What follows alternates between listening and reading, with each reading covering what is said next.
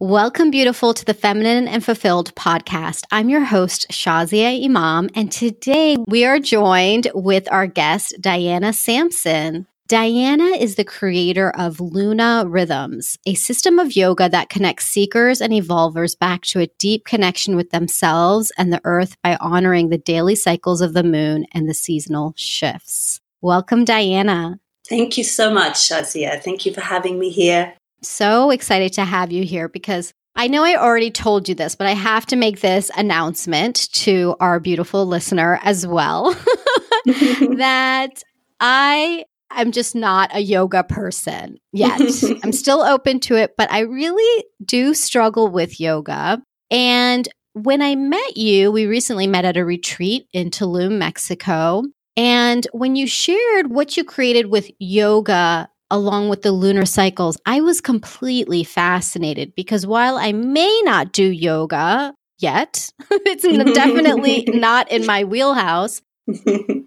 Associating it with the moon just felt very much aligned to me because of the nature element. And I've been very fascinated by the moon cycles and how we are also aligned to that rhythm. So I'm just really excited to share what you've created and to also learn more about these moon cycles. Yes, thank you. It was interesting to hear, you know, so many people are, are coming to yoga through an asana practice, through the physical aspects of yoga. And while, you know, asana and the movements are very important, there's a much bigger picture going on under the scene for yoga. And when I created Lunar Rhythms Yoga in 2007, it was from this deep understanding from within of this need to connect much more closely to the cycles of nature, the rhythms and cycles of the moon, and the seasonal shifts.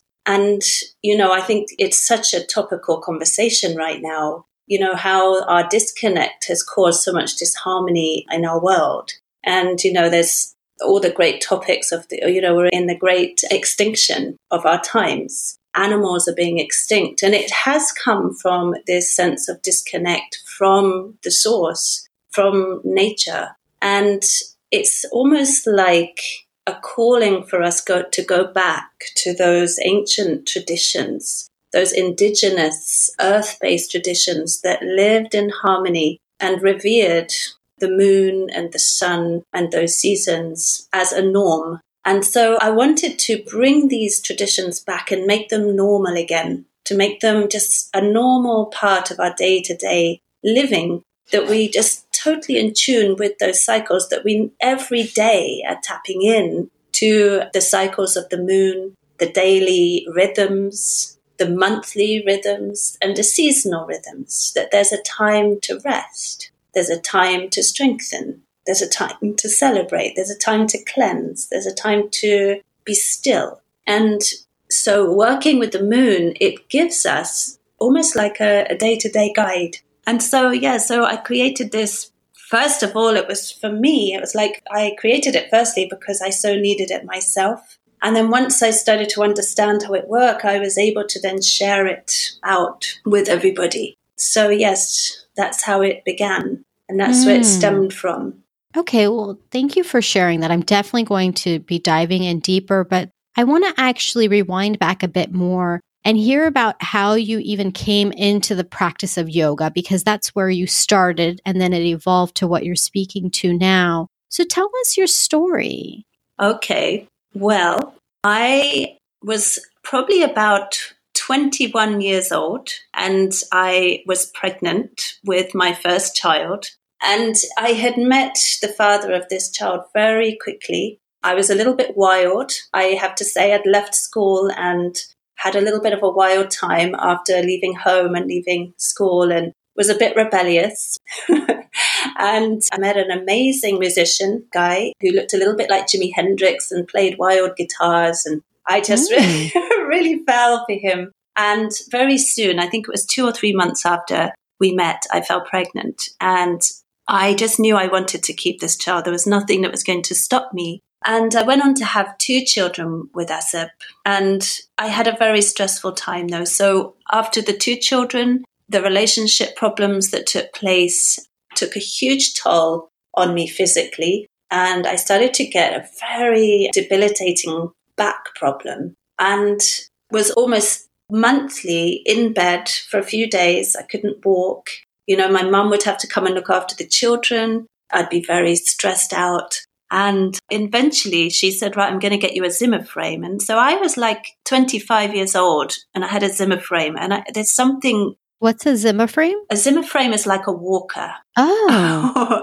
it's like something you hold on to, it's a frame. And it's something you often see the elderly with, you know. And I, something inside of me just felt like I needed to change. Like I was going to have an early, I felt like I was going to either be in a wheelchair or, you know, things weren't going well. And so again, my mother, she took me to a yoga class. And that very first yoga class I went to, I felt so strongly that I had come home, that I'd found something mm. that had brought me back to my true self, just with the breath, just with the breathing. And I carried on going to that yoga class, and it was almost like a calling. It's like if you don't have this in your life every day, you're going to have, be in a wheelchair or you're going to have a shorter life. And so I took that, and I think within the, in three or four months, I was going to yoga all the time, and I knew that I had to teach it.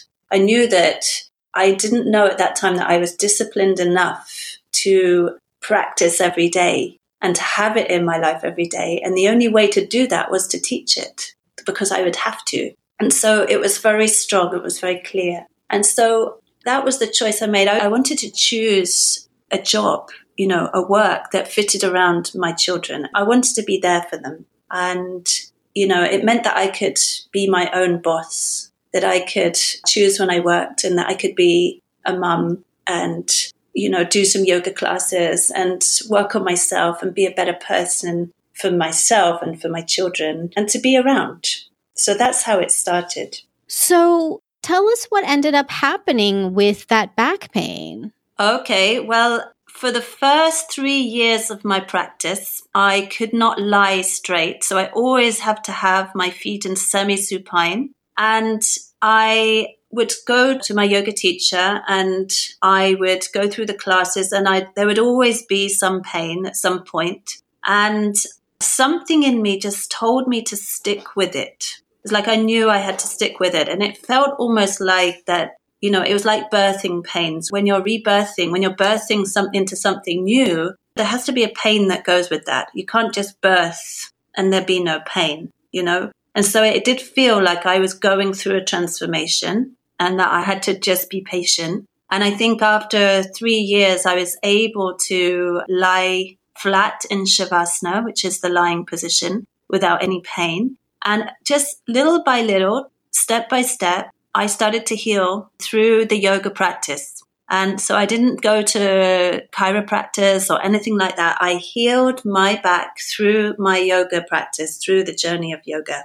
And it's been a continuous, so I've been practicing for 19 years now. It's been a continuous journey of um, finally tuning that. So there's constant clearing and evolving and birthing into different bodies. You know, we've all been in so many different bodies since we were in our 20s. I don't know if you resonate with that, but we're constantly changing. And I really feel that the. Wait, Diana, do you mean physically, ancestrally? Like, in what way? well, if I look back to the body that I inhabited 20 years ago from now, it's a different body physically. I mean, the cells mm. are hmm. different, you know, I look different, I act differently. And it's the same for five years ago. It's even the same for a year ago, where, you know, I have felt this constant change and evolve. And I feel that through the practice of yoga, which means the union of the mind and the body and the spirit, I have felt such a strength and a beauty and a grace unfold through that body, through that practice. Mm. And wow. wow. So, with this transformation, literally, the physical transformation, seeing your body healed through yoga and going on this path, then it sounds like there was a transition where you came back to these elements of nature. Absolutely. So basically, I went to train. I trained in Britain with a organization called the British Wheel of Yoga. And I studied for three years and I began to teach. And at that, big, uh, those baby steps of teaching, it's like you're trying to find who your identity is as a teacher because you're basically parroting your teacher when you're a beginner. I was anyway. And it was like I was calling in who am I? Who am I? Who am I? And how am I going to express my offerings to the world in an authentic way that's coming from me? And I kept praying and asking for guidance. And it came unexpectedly through a student who asked for a private with me, a private class. And he asked that it be on the moon because I was always bringing the moon in and talking about it. And this sparked the whole thing. It was like, yes, that's it. Thank you so much. He was like my teacher in that moment. And I started to birth lunar rhythms yoga. I've always been connected to nature. As a child, growing up, I lived in nature places and I felt the peace, my peace, my balance hinged on being in nature and connected. And so yeah, I started to study the moon and connect to her phases, to the five phases. So we have new moon, waxing moon, full moon, waning moon, and dark moon. And I use those five phases a lot through the yoga, the lunar rhythms yoga practice. So when the moon is new, we work on our calling in our new beginnings new intentions for our practice. When the moon waxes, we're calling in our inner strength. We're calling in our inner warrior to help create and bring in those new intentions into the world. At the full moon, we're celebrating. For thousands of years, people have celebrated under the full moon. So at full moon, we're using it as a time for celebration, you know, we're often berating ourselves. So it's wonderful to have an opportunity to just really thank ourselves for everything that we're doing. Waning moon is time for cleansing and clearing the body and for washing away and releasing and slowing down, taking time to just be, taking time to be still. And then into the beautiful dark of the moon, which is just this three days where there's no moon at all in the sky and it's the death of the cycle. And we are going into the inner cave of stillness and we'll be practicing deep silence and meditation. So, yeah, those mm. are the five phases that we use. So, this is so beautiful. I mean, I've never even looked at the phases of the moon in this way because this is truly the way nature works as well. I mean, every lunar cycle, this is what yes. happens. This is exactly what is happening over and over again. Exactly. And it's so exciting because when we harness that, when we have an understanding of that, it means that we have this time to be fresh, like the new moon is like a new beginning. It's like seeing things with fresh eyes and just you know, being gentle and soft and calling in those new beginnings, waxing time for strengthens, time for action, you know, to really go in and get things done, celebration time at full moon, and then that opportunity then to let it all go. And this is where a lot of us don't do. We don't give ourselves that time to just stop and to take, use mm. that time. So there's a permission in the lunar cycle to say, okay, just You've done what you can do. It's time to rest. It's not time to plan. It's time to put your feet up, time to take pauses. So it just creates balance, actually. That's what it does. Creates mm. balance. And that is the juice. Balance is the juice.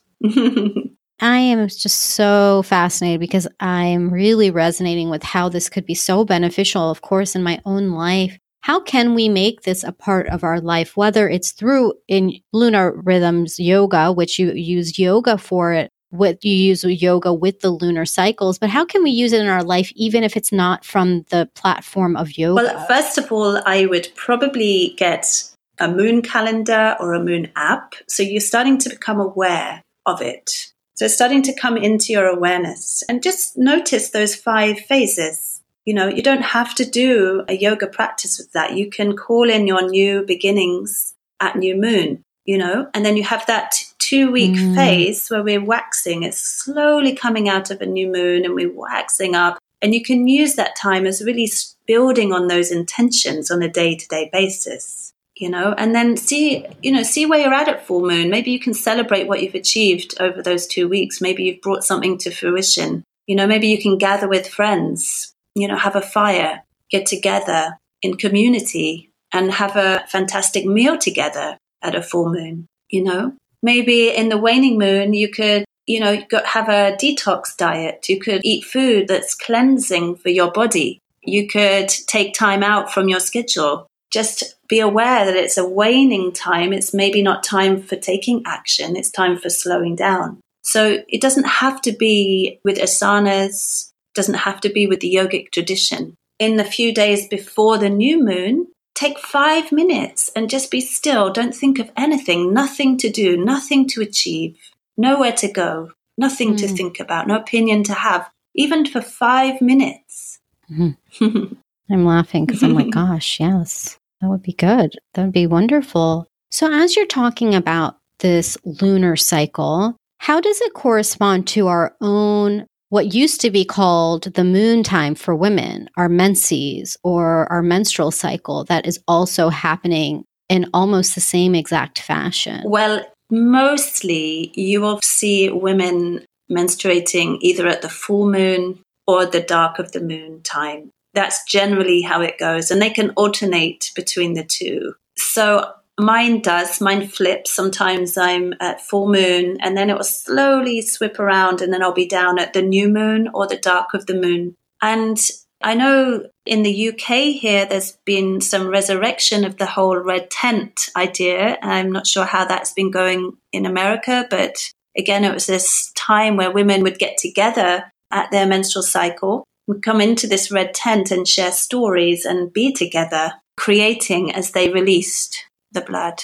Mm. I mean, from my own experience, living cyclically with the moon living with these practices has brought a real health to this area of my body. I have a very regular cycle. I do not have pain and I feel like it does not affect me as strongly as it used to with my moods. And yeah, it feels healthier. It feels healthier. And I definitely attribute that to this lunar practice that I have been experiencing since 2007. Yes, it's quite a long time to be following yeah. this practice. I can imagine mm-hmm. it's had a profound shift. Really.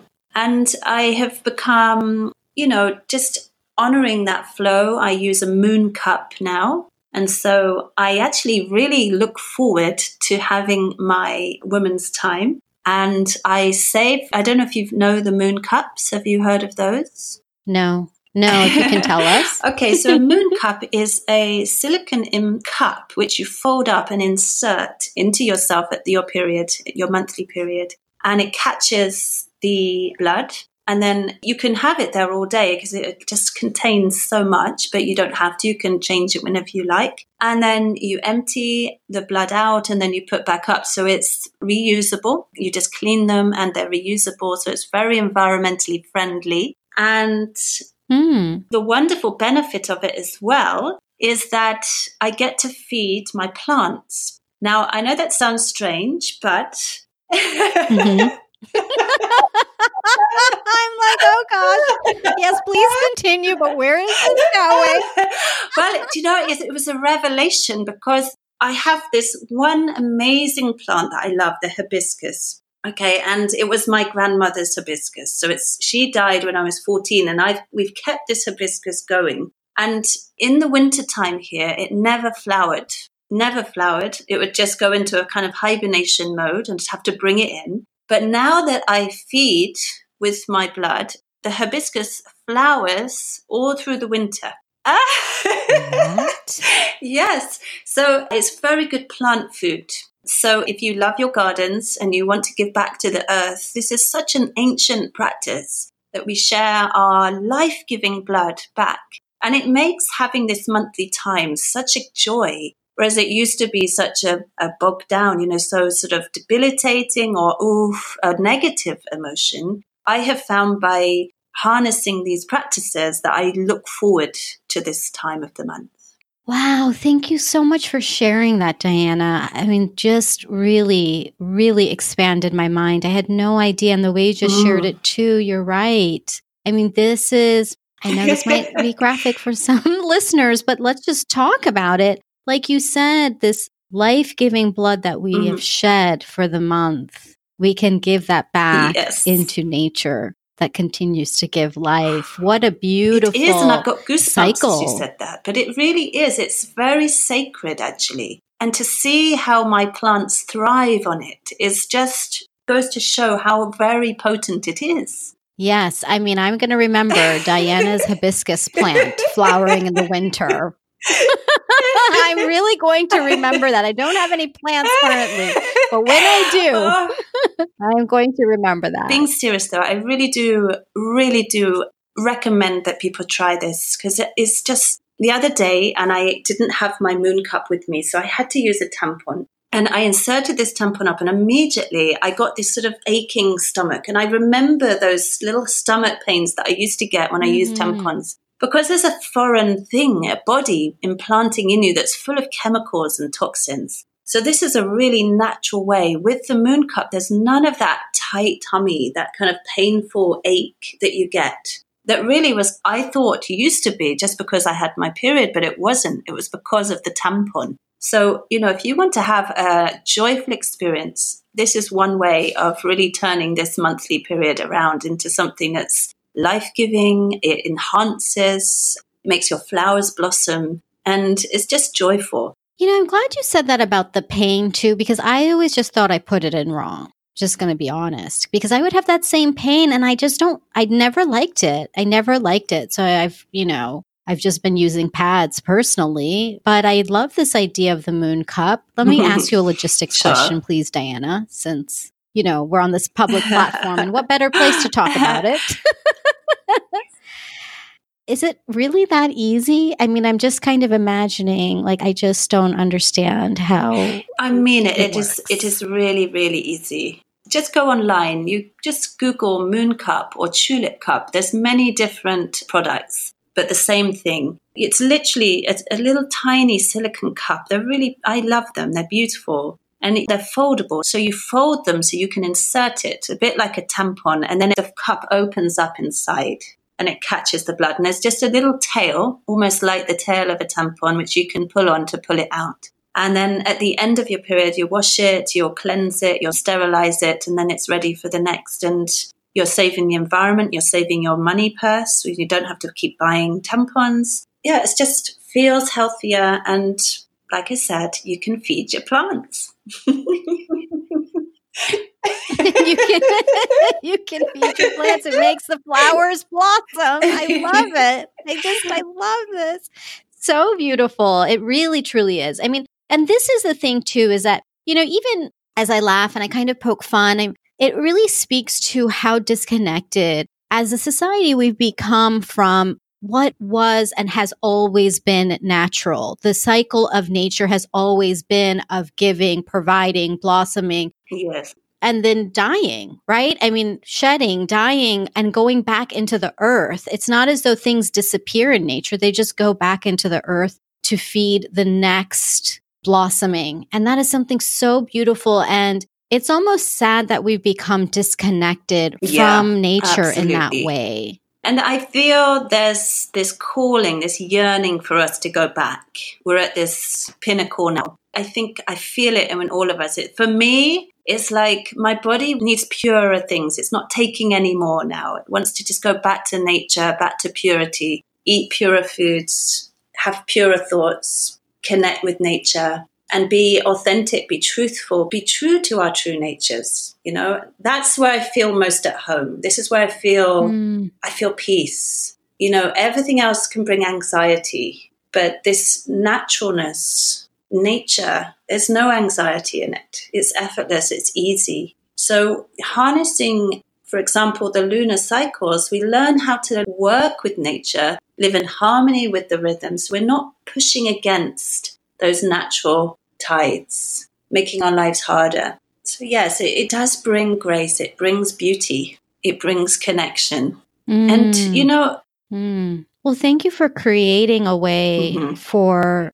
people to connect back in such a beautiful way through yogic practice. And I know that you actually do retreats, you do teacher trainings, you do events essentially. And how can people learn more and connect with you about that? I would love for anyone that's interested in the Lunar Rhythms Yoga teacher trainings or the retreats or the courses online to just get in touch. I can be found at my website, which is Luna rhythms hyphen yoga.com. I can be found on Instagram and Facebook. So Facebook page is Luna Rhythms Yoga and the Instagram is Diana Luna Sampson. So there's all those ways you can get in touch with me through those platforms. Great. And we'll put a link to all of those in our show notes at thelifeengineer.com slash podcast slash Diana. So I highly recommend that if you do have a yogic practice, if it's something that you really feel connected to and you want to take it deeper, then working with Diana is a must. I had the joy of experiencing being around you, Diana, for a full week in Tulum, Mexico. My favorite moments were when we would literally just mm. be waiting in the beach and connecting and talking. Those moments were so precious. And I feel very fortunate that I got a chance to meet you because it's always refreshing to meet another soul in this world who is simply sharing and serving in this world because you love it and because you are so connected to it. So thank you so much for creating this and sharing this and being in this world. Oh, thank you, Shazia. And, you know, likewise for me, meeting you in Tulum was such a special time and such a special moment, and to connect with a beautiful heart like yours and float in the ocean together and watch the pelicans diving and just being mm. present and still in your beautiful, calm presence was such an honor too. So thank you. Thank you so much. oh, gosh, the pelicans. I remember that. Oh, I am there right oh, now. So oh, and I'm sending this energy out to everybody mm. listening so that you can experience the beautiful nature mm. and connection and calm that we had. Oh my gosh. Mm. Oh, and one last thing before I forget, I wanted to give you a really special gift because how could I not? I actually have a list of my favorite things that make me feel feminine and fulfilled. And I would love for you to have it so that you can grab whatever you want from the list. So if you want to see my list of my favorite things, go to thelifeengineer.com slash favorite. And it is a full list of all of the things that I love and all the links for you to grab them. So that's thelifeengineer.com slash favorite. And I just had to give you a gift, beautiful, because you deserve a fabulous gift. And why not all of the most favorite things to make you feel feminine and fulfilled? Okay. Love you.